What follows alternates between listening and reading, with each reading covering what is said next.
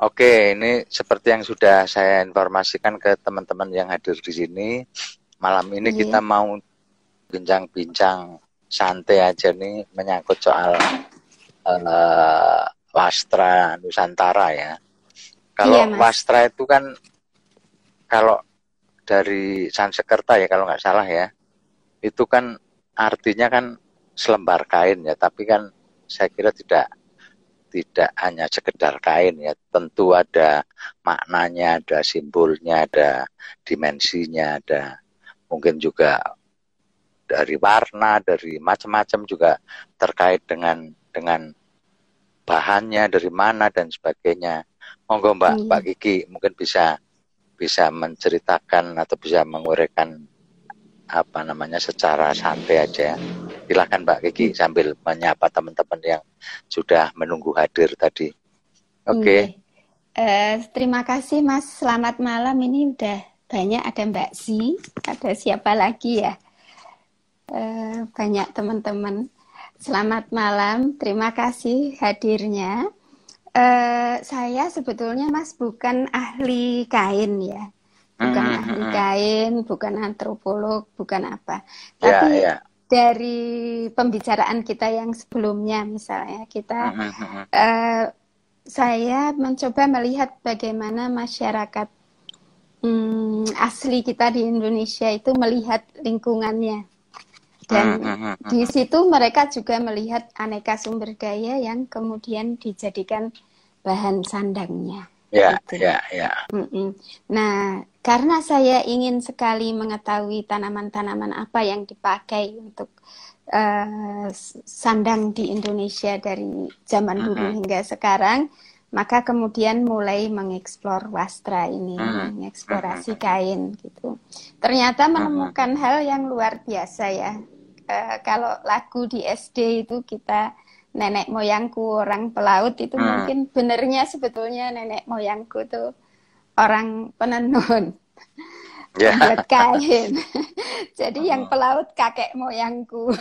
Kalau nenek moyangku itu mestinya sebetulnya lagi penenun ya, ta? Penenun karena ternyata di hampir semua tempat itu ada kainnya dan di semua tempat itu kainnya luar biasa gitu. Iya, iya, iya. Dari perspektif orang yang melihat uh, budaya material sebagai pintu masuk untuk memahami sedikit banyak seperti apakah lanskap kita di masa lalu itu hmm, kita hmm, bisa hmm, jadikan kain-kain itu sebagai uh, clue sebagai satu pintu Bukti. untuk satu, untuk ya. kita gali kembali lebih ya. lanjut ya misalnya kalau uh, kain-kain tradisional dari Sumatera, dari Jambi, dari mm-hmm. Lampung, yang kelewatan sungai yang besar-besar, Batanghari misalnya.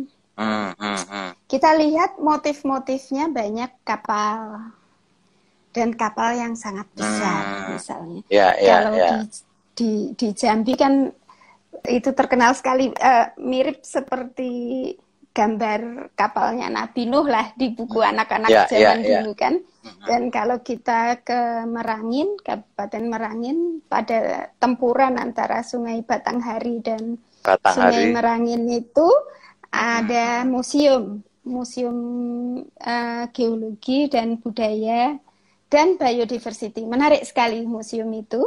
Jadi di, uh, ada artefak yang kan di situ uh, di Sungai Merangin itu kita juga jumpai eh, fosil-fosil tanaman yang sangat tua. Hmm, hmm, hmm, Jadi hmm. geopark sebenarnya di situ. Tapi yang menarik untuk saya waktu ke sana adalah di sampingnya itu gedungnya persis seperti gambar yang di batik itu perahu yeah, besar, yeah. Uh, perahu besar dengan gedung besar di atasnya gitu. Artinya At kan di situ motif motif itu sangat dipengaruhi oleh apa yang yang ada atau apa yang sedang terjadi pada saat itu ya. Iya. Ya tadi di, uh, digambarkan kalau di yang di dekat laut, yang di dekat sungai, ternyata uh, motif-motif tenunnya berbeda dengan mungkin yang di gunung ya atau itu nanti mungkin Mbak Gigi bisa bisa bisa apa namanya kasih contoh yang lain juga.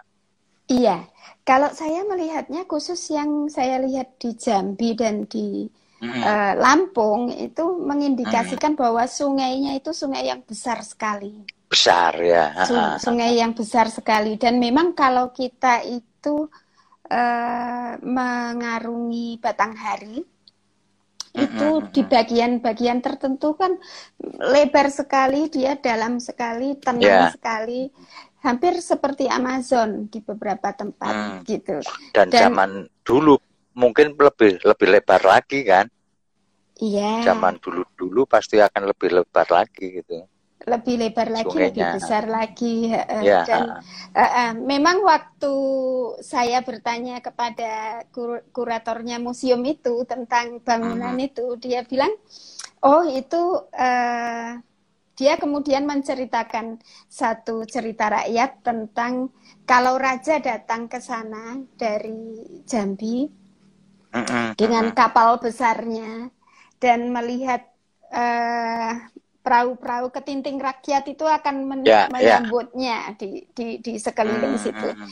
Dan dia akan bercanda dengan salah satu menterinya bahwa lihat itu nyamuk-nyamuk. Jadi kapal hmm. ketinting hmm. itu diibaratkan seperti nyamuk yeah. berada di, yeah. di dekatnya kapal yang besar itu. Nah kalau yang di Jambi biasa, yang di Lampung kita lihat di atasnya ada gajah, hmm. ada juga kadang ada yeah, uh, yeah Cungkup ah, tiga betul, dan betul. gajah. Nah itu mm-hmm. menceritakan seperti itu. Jadi dari motif-motifnya kita bisa dapat insight tentang seperti apa lingkungannya dulu. Mm-hmm. Nah mm-hmm. Uh, tapi kalau kemudian kita lebih dalam membaca lebih jauh lagi, kita kemudian menjadi uh, menemukan hal-hal yang luar biasa juga tentang wastra ini gitu.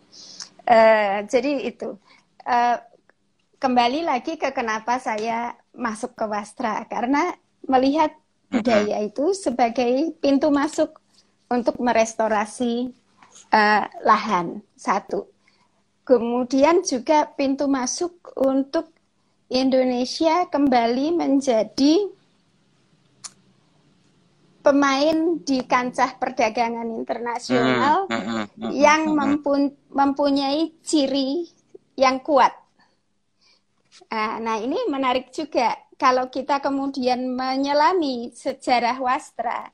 Saya mencoba mencari beberapa gitu ya. Uh, satu yang sangat menarik penelitiannya yaitu tentang teks teks dan tekstil di masa uh, medieval. Medieval itu berarti tahun berapa ya? Dia meneliti antara abad ke 7 sampai abad ke-15 sepertinya peneliti ini si Jan Wiseman. Nah, dia mencoba untuk memahami tekstil melalui sejarah tertulis yang ada di Jawa. Nah, ternyata satu-satunya yang bisa dia dapatkan adalah ini apa namanya? Sima Charter istilah dia. Jadi itu adalah catatan-catatan tentang pembayar-pembayar pajak. Profesi-profesi hmm. apa saja yang harus membayar pajak kepada negara hmm. di Jawa yeah. pada waktu itu yeah. gitu.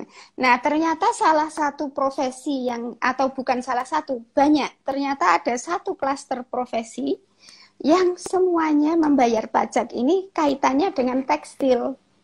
Oke, okay, okay. Menarik sekali. Jadi yeah. dari situ ada pedagang uh, menarik sekali untuk saya karena di situ terlihat bahwa di abad ke-7 itu di Jawa uh, mereka belum bikin batik, mereka bikin tenun ikat. Hmm, hmm. Tapi bukan uh, di ada namanya pangapusan. Pangapusan itu orang hmm. yang tugasnya mengikat-ngikat. Uh, hmm. dan uh, dan warna utama yang dipakai di Jawa pada waktu itu sama dengan warna-warna yang dipakai di NTT sekarang. Jadi hmm, penjual yeah. indigo, penjual yeah, indigo, yeah. penjual akar mengkudu itu semua harus bayar hmm, pajak hmm. kepada negara. Tukang penghapusan yang mengikat-ikat itu juga harus membayar pajak kepada okay. raja. Sebelum dilanjutkan ini ini ini ada yang catatan yang menarik ketika menjadi apa namanya objek saat itu dianggap menjadi objek pajak berarti mm -hmm. kan uh, ini kita belum ngomong industri tekstil gitu. artinya pekerjaan membuat kain itu sudah memasuki ranah keluar masuk uang kan berarti kan entah iya. waktu itu mau ditukar kayak atau apa tetapi sebenarnya sudah sudah ada interaksi ekonomi yang cukup terorganisir kira-kira oh, kalau makanya artinya kan dibanding mungkin dibanding dengan yang lain nampaknya mm -hmm. tekstil jauh lebih awal sudah dilirik oleh penguasa ini, ini harus dikasih pajak nih kan gitu kan kira-kira iya iya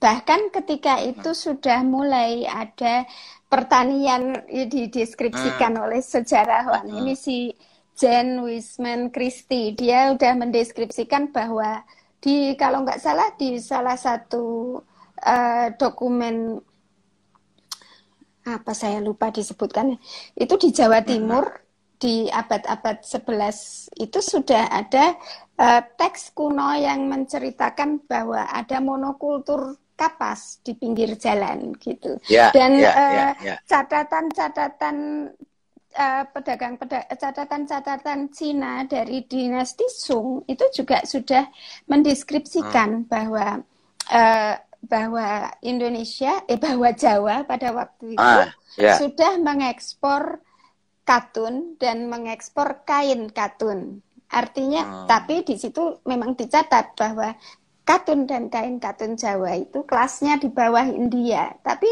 Jawa waktu hmm. itu adalah eksportir. Nah, yang menarik sekali ini adalah dalam penelusuran saya, mengapa saya menemukan eh, dokumen-dokumen uh, tentang sejarah kain dan sebagainya hmm. seperti yeah, ini. Yeah. Itu sebetulnya kembali ke peristiwa ketika saya masih masih sangat muda. Waktu itu saya menjadi penterjemah untuk ahli biodiversity dari India. Hmm, Oke, ya, ya, ya, ya. Ya, beliau itu namanya Pak Dasgupta. Nah, dia waktu muda, waktu masih zaman Belanda ya mungkin, pernah sekolah di Santini Ketan bersama ah. dengan Avandi. Ya, ya, Avandi ya. pelukis ya. itu kan dia betul, pernah betul. jadi residen, ya. pernah residensi di ya. Santini Ketan. Nah, gitu. Ya, nah, itu Santini Ketan itu Santiniketan itu uh, kiblat saya sebetulnya ketika saya bikin uh. sekolah itu. Nah, ya. Oh, iya. nah, ya. Oke. Okay. Uh, Oke, okay, nanti nanti ya, kita lanjutkan dan nanti kaitannya apa antara sini saniti ketan dengan yang kita bicarakan dengan, gitu. Oke, iya. Ya, oke lanjutin Mbak Kiki itu tadi. Ya. Iya. Nah, beliau itu minta setelah selesai kita waktu itu meneliti padi sebetulnya meneliti hmm. saya bukan meneliti saya menerjemahkan hmm. untuk dia dan dia sedang meneliti erosi genetika meneliti padi. Uh -huh. terkait dengan revolusi hijau jadi ya, erosi yeah. genetika padi di Indonesia terkait dengan revolusi hijau. Tapi setelah penelitiannya selesai, dia dimin dia minta saya untuk bawa dia ke tempatnya Avandi. Hmm maka saya bawalah ke uh, itu rumahnya ah, Fandi yang ya, di dekat di, uh, kali KIN. kali ya uh, uh, utaranya ya, IAIN ya. Uh, utaranya IAIN di Jogja itu. Kebetulan pada waktu itu uh, pohon uh, di atasnya galeri dia ada pohon randu yeah. alas besar sekali. Yang bunganya itu orange kalau nggak salah. Randu alas itu ada tiga macam, ada yang orange, ada yang pink, ada yang merah bunganya. Nah, dia kemudian menunjuk pohon itu dan tanya, Kiki, kalau masyarakat-masyarakat yang tinggal di hutan, uh, dia sebutnya itu forest um, tribes. Forest yeah. tribes di Indonesia, apakah memanen dan menenun itu menjadi kain. Setahu saya tidak, saya bilang gitu. Ya, dia bilang ya, kalau ya. kalau kalau sepanjang usia kita ya nggak nggak melihat itu jadi kainnya.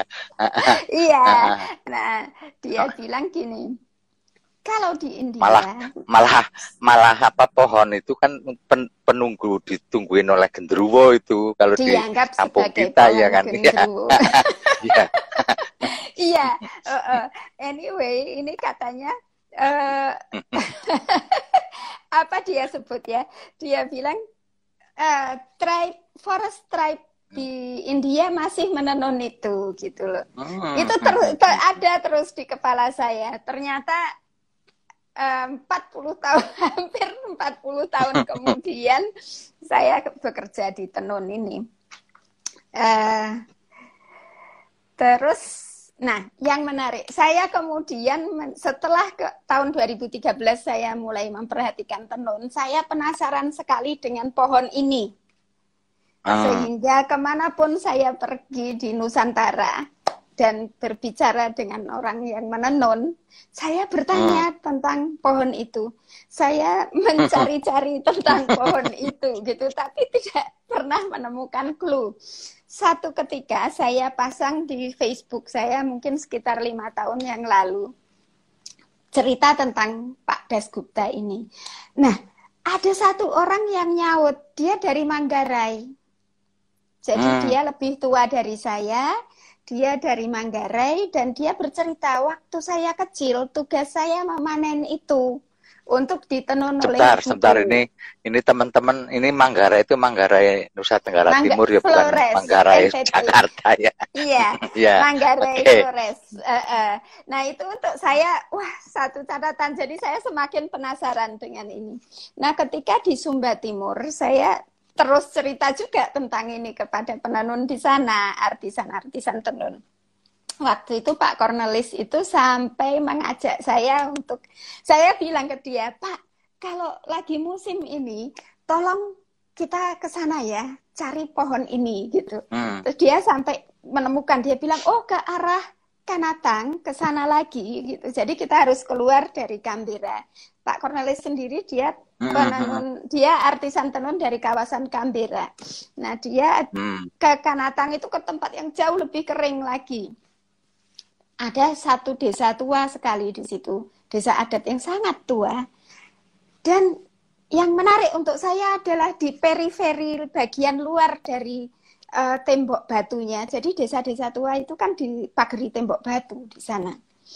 Itu yeah, yeah. banyak sekali pohon-pohon randu alas yang sudah tua sekali. Yeah. Nah, waktu itu kita ke sana, kita ambil si randu alas ini, kita bawa balik ke studionya beliau dan kita coba. Ternyata uh, seratnya randu alas ini panjang sekali. Jadi seratnya panjang sekali dan halus sekali, licin sekali. Itu diambil dari apanya seratnya itu? Buahnya kan seperti kapok tapi hmm, lebih oke oke oke oke ya ya ya betul, seperti betul. kapok randu karena dia ini saudara sepupu dekatnya kapok randu. Oke, okay, ya. Kalau pembedanya yang sangat sederhana adalah warna bunganya. Kalau kapuk biasa itu warna bunganya putih. Kalau kapuk yeah. ran, eh, kalau kapuk randu alas itu bunganya merah atau orange atau pink. Nah, yang merah itu selalu sangat tebal. Jadi bunganya itu ketebalan daun bunganya itu mirip jantung pisang. Ya, Dan ya. banyak Wah, sekali. Berarti, berarti cukup besar ya? Besar, besar Kalau, segede uh, tangan saya ini. Ya, dan ya. Uh, dan di banyak masyarakat adat di Asia Tenggara, bunga -hmm. itu dibikin menjadi sayur kari. Nah, hmm, saya hmm, kenal hmm. juga ada beberapa suku di Indonesia yang juga mengumpulkan dan membuat bunga itu menjadi masakan.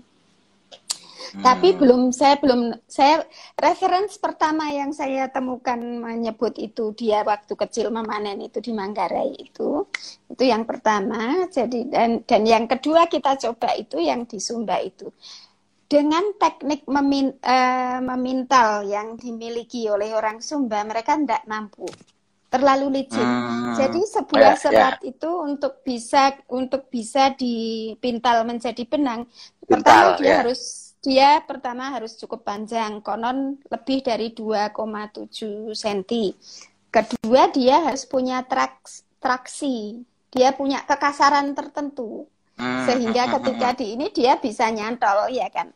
Ketika nah, dipintal ya. Mm -mm, mm -mm.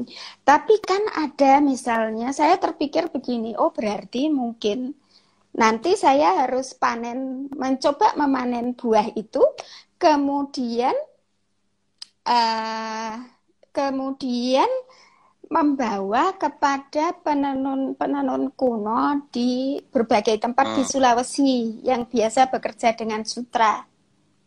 Hmm, hmm, hmm, hmm. Mungkin, yeah, yeah. mungkin itu akan lebih mudah. Tapi anyway, itu itu satu hal. Saya tetap terus mencari di dalam teks. Oke, tapi sebelum uh, ke teks itu, menurut Pak uh, uh. siapa tadi yang orang India itu, Iya. itu yeah. apa yang yang membuat sulit itu di Indonesia apakah alatnya atau apanya peralatannya gimana, gimana? atau apa ya, kenapa uh, itu kan di, di India kan dipakai toh mestinya toh yang yang yeah, randu alas itu berbicara Betul. Saya berbicara dengan ahli biodiversity ketika itu okay. dan saya oh, juga oh, betul, betul. saya juga ah. belum tertarik dengan tenun. Jadi ini ini okay. 40 tahun iya, iya, kemudian. Ya, ya, ya. Oh iya iya iya tahun ya. kemudian saya baru mulai cari di dalam teks sambil cari baru penasaran ya perjalanan ini iya baru 40 penasaran. tahun kemudian baru penasaran oke okay, ya oke okay. terus terus terus dilanjut iya jadi belum tahu. Jadi saya cuma mencoba hmm. kan gini. Uh, kalau kita berbicara tentang bagaimana menjadikan warisan budaya dan warisan biodiversity kita hmm. menjadi hmm. kekayaan uh, yang mensejahterakan rakyat Indonesia kita juga yeah. harus mulai berpikir tentang value chain, tentang bagaimana kita mengcreate value dari heritage ini, mm -hmm. itu satu hal, gitu. Yeah. Maka dari situ saya sekarang misalnya, oke okay, kalau benang di sana, oke okay, kalau serat ini di sana, oke okay, kalau makanya ketika kemudian di Sumba teman-teman gagal dengan ini, saya hmm. berpikir oh berarti saya harus bisa mengenal misalnya uh, mungkin penenun-penenun di Kajang. Karena suku Kajang itu meskipun dia dia suku Kajang seperti suku Badui juga kan? Uh, dia masih sangat menjaga tradisinya. Tapi mereka itu menghasilkan sutra yang halus, warna hitam hmm, yang bagus yeah, sekali. Yeah, yeah. Nah, kalau kita mungkin bisa membawa si uh, ini si apa namanya seratnya ser, serat ini tadi. ke kacang, uh. Uh, mungkin di sana mereka bisa membuat itu menjadi benang kemudian di ini. Tapi ke, hmm. ketika dibawa ke teks, saya pernah menemukan teks dari Leiden, tapi kalau kita cari di internet dan kita nggak punya uh, kunci masuk ke dalam jurnal-jurnal ilmiah itu kan hmm, sering kali hmm, hanya sepasang ya, sehalaman sehalaman ya. aja yang disajikan. Hanya anunya aja itu nah, tidak detail. Nah. Iya, satu referensi yang menyebutkan dalam catatan kaki itu bombak seiba. Jadi hmm. kalau randu biasa itu bahasa latinnya bombak bombak petranda. Kalau randu alas itu bombak seiba. Nah, di dalam teks Leiden ini dia sebetulnya bercerita tentang mitos-mitos di Jawa. Hmm. Ada satu mitos tentang warok di Pacitan. Ada dua warok yang yang yang berkelai dan uh, kemudian bertapa untuk berperang tanding lagi dan hmm. ketika bertapa hmm. ada mimpinya gitu. Nah, dalam mimpi itu ada reference pada Bombak Seida ini gitu ketika hmm, hmm. dalam mimpi itu mereka didatangi oleh seorang resi. Kemudian si resi itu mengatakan ada batu di mana di bawahnya ada uh, ada lawe. Berwarna hmm, hitam hmm. dan berwarna putih. Pilih salah satu untuk kamu pakai ketika kamu bertanding dan pilihanmu akan menentukan kamu menang atau kalah Nah, di catatan kaki itu disebutkan bahwa lawe itu adalah gitu. Benang-benang yang dibuat dari bombak seiba ini gitu. Hmm, berarti saya bilang, oh berarti di Indonesia itu pernah gitu. Cuma saya tidak pernah menemukan teks lain tentang itu selain ini misalnya yang yang yang catatan tentang um, catatan tentang tekstil di dalam di dalam bukti-bukti tertulis ini tadi ditemukan misalnya di abad ke-10 sampai ke-11 itu catatan-catatan uh, Cina dinasti Sung ini bercerita bahwa di Jawa itu mereka membuat sutra gitu. Hmm. Tetapi kemudian dikatakan membuat dikatakan itu membuat kain yang sepertinya pastinya adalah sutra gitu loh. Jadi ada ketidakpastian uh, gitu loh tentang yeah, ini. Yeah. Apakah ini sutra uh, yang sama dengan yang Cina betul. atau bukan gitu. Dan di si peneliti ini mengatakan bahwa bahasa yang dipakai untuk mendeskripsikan sutra di pasar-pasar Jawa ini BSAR. B S A R bukan sutra. Dan hmm. waktu itu dalam bahasa Sanskerta biasanya kan memakai bahasa Sanskerta. Dan di dalam bahasa Sanskerta itu yang dipakai istilahnya adalah sutra gitu loh. Maka yeah, pertanyaannya yeah, yeah. kemudian adalah kenapa tidak disebut sebagai sutra gitu loh. Lalu kemudian si hmm. artikel ini beberapa kali menjelaskan bahwa kain sutranya itu sedikit beda di, gitu. Hmm. Saya juga menemukan ada arkeolog lain yang bercerita tentang kain yang dari Kalimat dari Sumatera. Dia kalau hmm. dia benar-benar membentang-bentang kain dan mendiskusikan gitu dan dia bilang ada satu kain yang dia bilang most likely made from silk. Sep, gitu. Jadi hmm. Uh, hmm. untuk saya ini semua adalah indikator-indikator untuk kita mulai bertanya-tanya dan mulai kembali untuk meneliti pohon bombak seiba ini. Ya, gitu. ya. Kenapa dia ada di hmm. begitu banyak lanskap-lanskap kuno, gitu. Ya, nah, ya. Uh,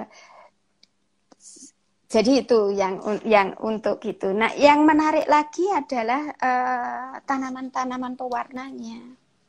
Hmm, hmm, hmm. Pedagang bahan tanaman pewarna itu juga harus bayar pajak. Sejak yeah. abad ke-9 loh. Gitu.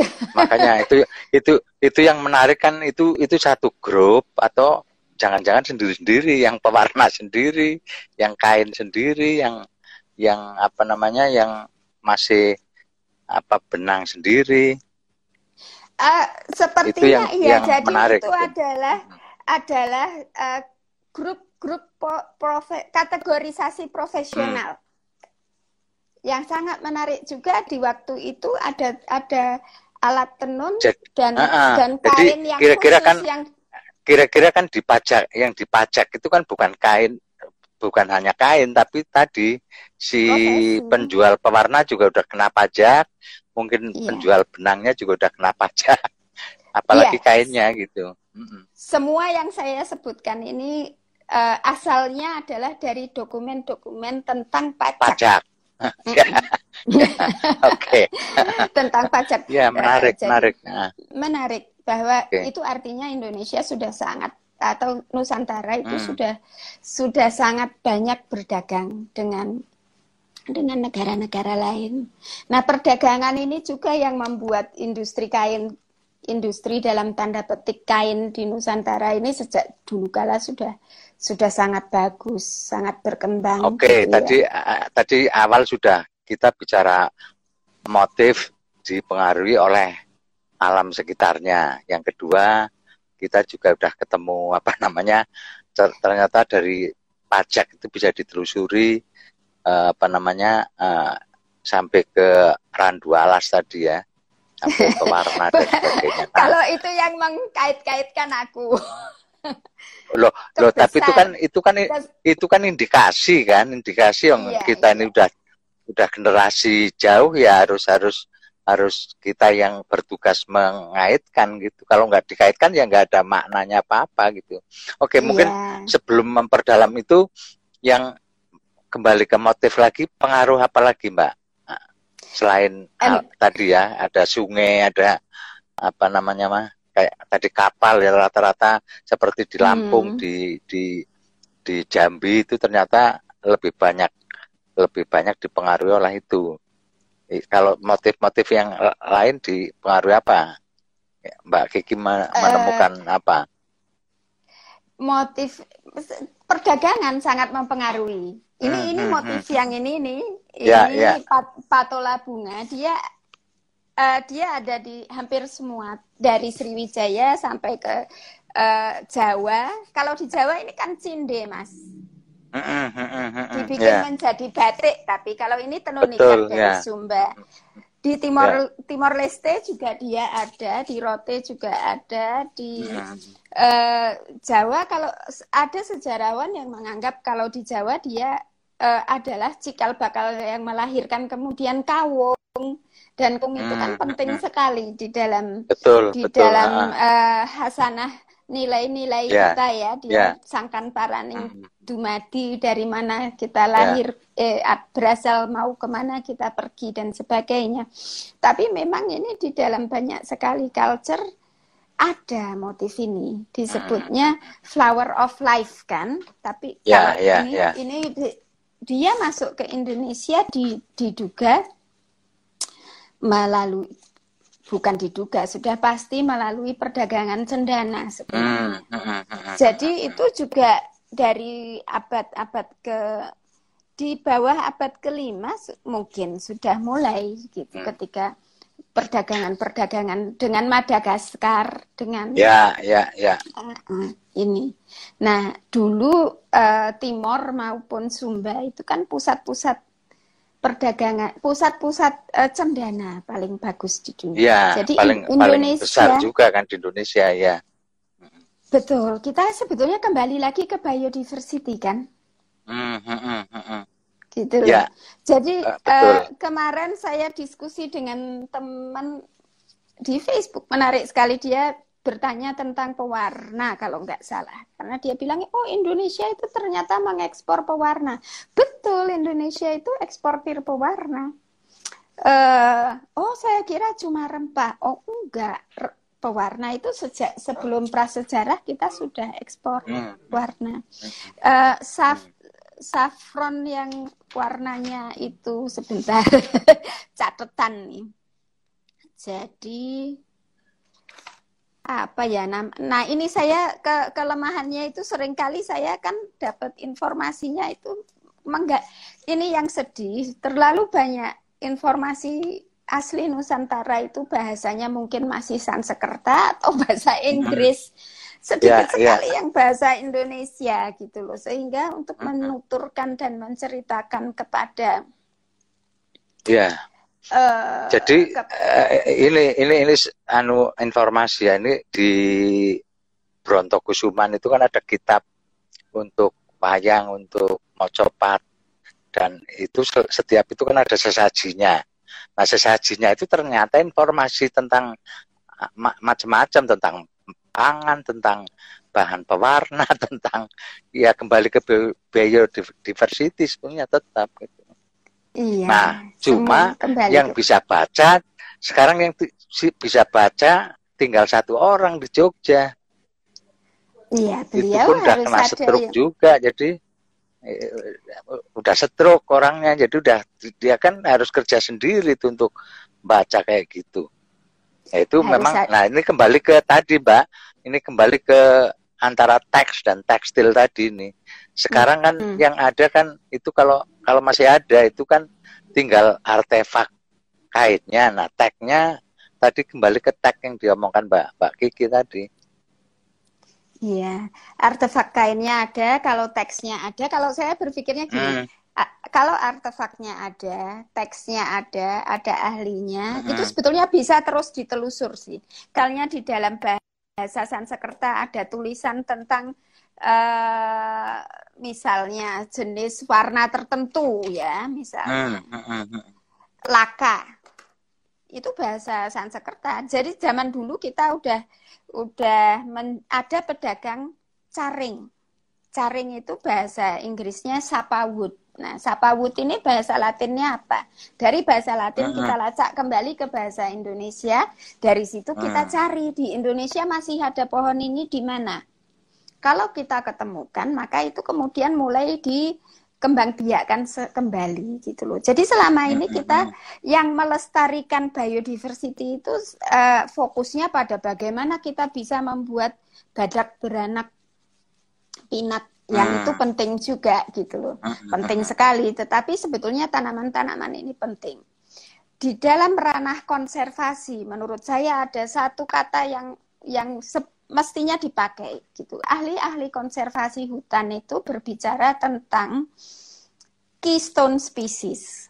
Apakah keystone hmm. species? Keystone itu kan batu pengunci. Jadi kalau kita lihat yeah, di ya. candi yeah. itu ada ya, ya. lengkung, yeah, yeah. ada tanpa mm -hmm. paku kan, tapi lengkung itu nggak akan mm. pernah roboh.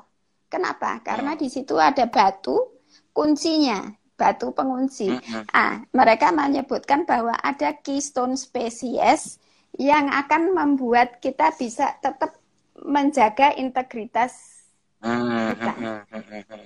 Ya, ya. Dan itu di benak mereka adalah gajah, adalah harimau, adalah badak, adalah ini, yeah. adalah itu gitu loh. Sebenarnya yeah. kalau kita perhatikan itu masyarakat adat di tempat-tempat itu. Kalau kita lihat di Sumatera, di hutan-hutan adat, kita akan ketemu bahwa ada pohon-pohon tertentu yang ada di semua hutan adat.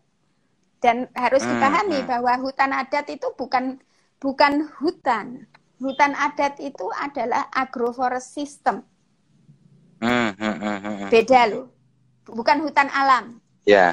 Hutan yeah. adat itu adalah sistem agroforest yang telah dikultivasi selama ratusan mungkin ribuan tahun sampai ya. menghasilkan yeah. struktur yang persis hutan alam.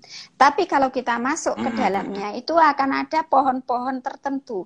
Ada tujuh atau sepuluh pohon yang baik di Sumatera maupun di Kalimantan dan saya yakin juga Sulawesi tapi saya belum mengamati di sana. Itu ada pohon ini gitu loh. Menurut saya itu adalah cultural keystone species.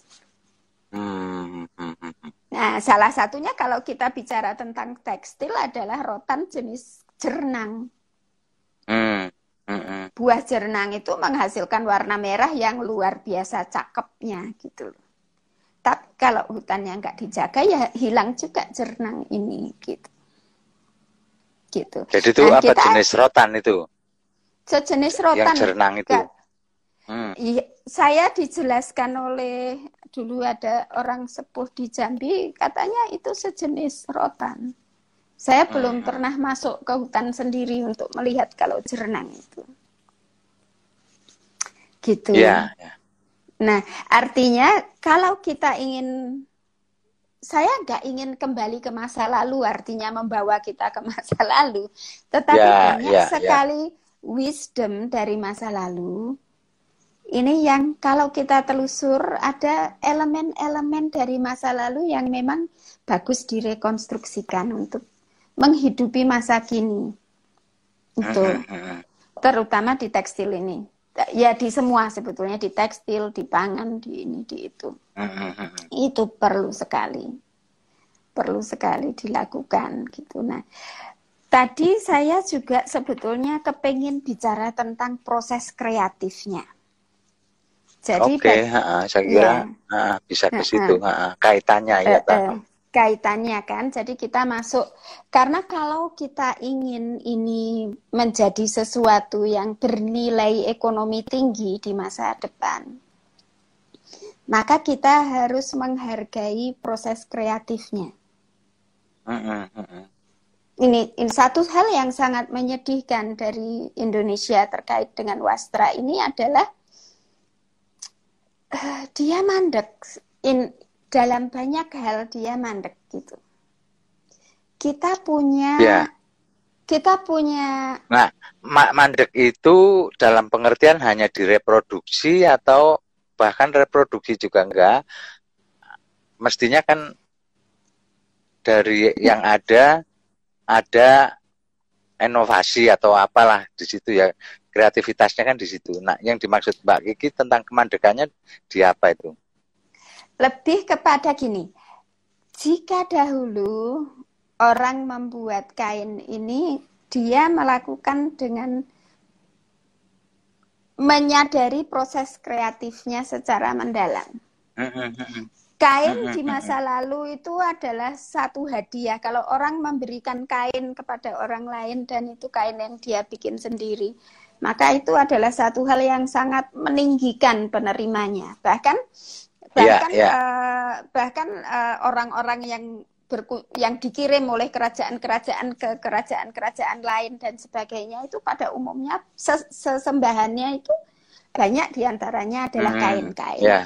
Artinya kain hmm. itu bukan urusan kecil gitu. Nah yeah. sekarang hampir semua wastra Indonesia yang sebetulnya kalau saya bilang sebetulnya adiluhung hmm, hmm. itu tereduksi menjadi bahan pabrikan gitu. Hmm, Oke, okay. ya, ya. Dia dibikin hampir seperti lukisan Moi Indi lah. Mas Toto Pirso betul, kan. Ya, ya, Jadi ya. lukisan ah, Moi Indi itu di zaman Raden Saleh itu ya yang dihasilkan adalah lukisan yang keren-keren banget karena yang ya, bikin ya, memang ya. seniman gitu loh. Kemudian ketika itu menjadi jadi seka, ke, kemudian di tahun 70-an, 80-an, 90-an awal dia diproduksi secara tukang jadi ada yang hanya hmm. menggambar padinya, ada yang gambar eh, gitu hmm, kan. Jadi jadi dia kemudian hilang jiwanya kan. Padahal saat yeah. ini dunia, dunia sedang mencari cara untuk membuat barang yang berjiwa. Karena yeah. dunia perlu untuk membuat barang itu tidak lagi masif. Ya, betul. Nah, itu kuncinya kan di situ sebetulnya. Kenapa hmm. tadi oke okay, terpaksa dibikin bikin kerajinan kerajinan siapa yang bikin ini, siapa yang gambar ini karena ditunt ada keinginan untuk me memproduk besar gitu. Sementara besar. kalau yang tra iya kalau yang tradisi kan nggak mungkin kan ini satu orang menyelami apa yeah. yang harus dia kerjakan sungguh-sungguh gitu. Dan itu, itu seharusnya itu memang, yang harus uh -huh. sekarang dihidupkan kembali. Kita punya warisan budaya wastra yang begitu luas, yang di Sumatera, di Kalimantan, di uh -huh. Sulawesi, di NTT, Sulawesi, di Jawa, uh -huh. semua lain. Tapi kalau kita masuk ke museum-museum tekstil, eh museum-museum seni teks uh, atau galeri-galeri seni, uh uh sedikit sekali seniman Indonesia. Kenapa kenapa seniman tekstil kita begitu sedikit yang yang bisa sampai masuk ke ranah itu? Ya karena tidak gai. Hampir tidak ada okay. artisan tenun hmm. yang hmm. menginginkan hmm. anaknya menjadi penenun. Hampir tidak yeah. ada. Ya. Karena Jadi nasibnya menenun, sama seperti petani juga, penenun iya. dan petani itu tidak mencita-citakan anak-anaknya kelak akan meneruskan gitu. Betul. Oleh karena itu harus dicari cara untuk membangkitkan kembali kebanggaan dan juga uh, kesadaran berkreasi di dalam diri penenun-penenun. Kita yeah. tidak mungkin menjadikan seperti zaman dulu desa-desa iya. tenun yeah. di mana mm -hmm. pendekatannya nggak mm -hmm. boleh industrialis pendekatannya Betul. itu harus humanis, kreatif gitu. Dan ketika bicara kreatif, tidak berpikir industri masif gitu. Iya, nah, dan, di situ dan saya kira kita, untuk untuk saat ini, untuk saat ini saya saya kira dengan apa namanya peristiwa corona ini udah udah terbukti kok mau nggak mau iya. harus ke sana lagi Bu, bukan berarti kita mau mengajak orang untuk kembali ke zaman lalu lagi tapi prinsipnya tidak boleh mengeksploitasi, dibesarkan, dimasalkan itu yang yang yang terbukti sekarang semua kolab yang kayak gitu. Iya, Semuanya kolab. Di samping kolaps itu adalah proses dehumina, dehumanisasi Betul. yang sangat ya. serius pada ya. pencipta-penciptanya. Itu yang penting. Saya kira kalau ya. kita ini kemanusiaan yang adil dan beradab di Indonesia ini dia itu harus juga memanusiakan para penciptanya, yeah. termasuk betul, para betul. pencipta kain.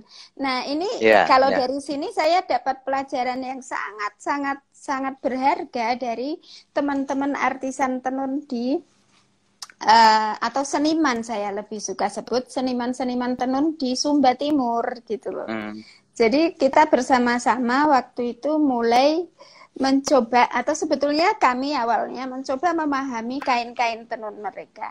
Ini bukan Jadi kain pertanya yang ah, ah. pertanyaan kita adalah sering kali kita tidak menganggap bahwa tenun itu juga bagian penting dari membangun karakter manusia di tempatnya. betul. Sehingga sehingga pendidikan itu bukan hanya bikin kelas ekstrakurikuler anak untuk menenun nggak kayak gitu ekosistem Enggak. tenun itu sendiri berpengaruh pada manusia nah itu yang yang yang dilupakan kan di situ sebetulnya Iya. Nah, sebetulnya kan ya maka itu kan sebetulnya sekarang Hmm. banyak banyak pemikir mulai berpikir bahwa sebetulnya persoalan lingkungan hidup itu adalah Hmm. Kita masing-masing sebagai manusia.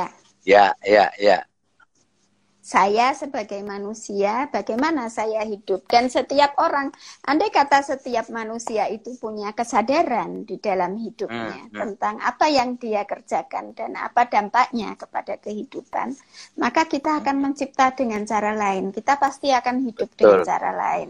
Kita akan mencari kepuasan di bidang yang lain juga gitu loh. Nah, di sinilah kita kembali lagi kepada kreativitas. Saya lihat Mm-mm. sebetulnya sekarang kalau banyak banyak orang di pemerintah ketika berbicara tentang industri kreatif itu masih pakai kacamata industrial, masih ya betul pakai ya kacamata ya ya industrial Ah, ah, ah. masif Mm-mm. dalam artian bagaimana saya bisa mendapatkan keuntungan yang sebesar-besarnya Ya, dalam ah, ah, waktu yang ya. sesingkat-singkatnya gitu Ya. loh. Bukan bagaimanakah saya bisa mencipta yang sebaik-baiknya yang membawa manfaat yang sebesar-besarnya Ya. buat orang, buat Betul. saya sebagai diri saya memanusiakan diri saya dan pada akhirnya mendatangkan juga uang bagi saya. Pajak bagi Ya. negara Ya, itu ma- itu itu iya, ma- makanya- sedikit harus diubah. Mm-mm. Makanya kemarin saya ingat itu Mbak Kiki saya kirim, wah ini memang Sumaher sudah sudah me- me- memperingatkan juga kan tentang ekonomi kecil itu maksudnya gitu. Nah itu kan sebetulnya kan pertarungannya kan kalah teman sebetulnya. Nah tapi nggak tahu Ya. nih dengan corona ini, Tapi dengan corona ini kan orang diingatkan semua ini dijungkir balikkan semua gitu apa yang dibicarakan Mbak Kiki tadi. Betul. Tapi Ya. saya kira kita tidak melihat, jangan mungkin melihat dari perspektif eh, pertarungan. Lihat dari perspektif eh, kemanusiaan dan proses kreatifnya gitu.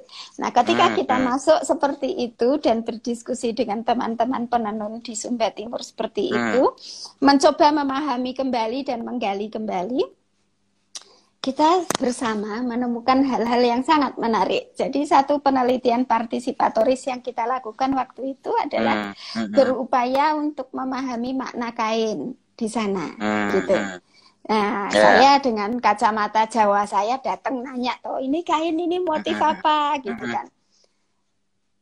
Kain di Sumba itu pada umumnya kan gambar macem-macem tuh, campur-campur. Sampai Ya, ya. sampai sejak kalau antropolog asing dia bilang itu kain itu pictorial, bergambar, seperti gambar. Hmm. Setiap kain adalah satu satu lembar kain adalah satu lukisan, gitu kan. Nah, tetapi ketika saya datang dengan pemikiran Jawa yang bertanya ini motif apa gitu, ternyata dijawab oh itu motif eh, mahang. Mahang adalah singa. Padahal Singa. saya lihat, ah, ah, padahal saya lihat di Hmm. kain itu banyak sekali ada singa, ada buaya, ada kura-kura, ada Hmm, ini hmm, gitu kan. Terus tapi mahangnya paling besar gitu kan. Kemudian ada kain lain yang sama sekali beda lagi. Dibilang mahang lagi gitu. Udah hari ketiga Hmm, kita baru sadar, oh ternyata itu kalau itu yang namanya itu bergantung pada pada gambar paling besarnya. Kita jadi Hmm, berarti kita harus mundur. Kita kita tanya gambar mahang artinya apa, gambar buaya artinya apa, gambar Ah. ayam artinya. Nah, Ah. kemudian dari situ menarik karena banyak sekali artisan muda tidak paham gambar ini Hmm. maknanya apa. Sehingga harus terjadi proses intergenerasional di mana penenun yang lebih muda harus bertanya kepada penenun yang lebih tua tentang makna ini, mendokumentasikannya dan sebagainya. Di dua desa ini kita kemudian mendapatkan semacam kamus motif untuk 40 lebih, hampir 50 motif. Setelah kita punya kamus itu, kita kemudian baru membentang kain. Hmm Ya kan? Jadi semua gambar yang ada di, di situ kita tuliskan maknanya. Nah, dari situ kemudian mulai terlihat pola. Ternyata ada di, tiga jenis kain. Ada kain yang isinya doa, blessing. Hmm. Ya. Artinya pemakainya itu cantik, berpangkat. Hmm. Jadilah orang cantik, hmm. berpangkat ini itu ya. gitu kan. Itu itu, itu blessing ya. kan Tapi ada juga berkuasa misalnya, makmur gitu kan. Hmm, Tapi hmm, kemudian ada yang isinya kalau orang Jawa bilang ular-ular, ujar-ujaran. Hmm, yeah, yeah, nasehat. Yeah. Nasehat. Hmm. Misalnya jadi orang itu mesti adil, merawat yeah, alam, mesti tidak membawa agenda ketika berhadapan dengan Tuhan. Misalnya itu kalau gambarnya itu adalah si nenek moyangnya itu ada ada quote-nya lah ya. Ada quote-nya. Ada maknanya, ada ada ada nasihat yang terkandung di dalam kain ini. Gitu. Nah, lalu yang kain jenis ketiga itu kain yang bercerita. Kain yang mendokumentasikan sebuah peristiwa Nah, ketika ini direfleksikan kembali kepada penenun, mereka bilang, oh katanya, kita gak pernah mikir gitu kalau bikin kain. Kita mikirnya hmm. waktu awal-awal adalah bagaimana membuat gambar yang nanti kira-kira akan disukai turis. Hmm, Atau okay, bagaimana okay. membuat kain yang uh, ya secara visual menurut kita bagus gitu loh.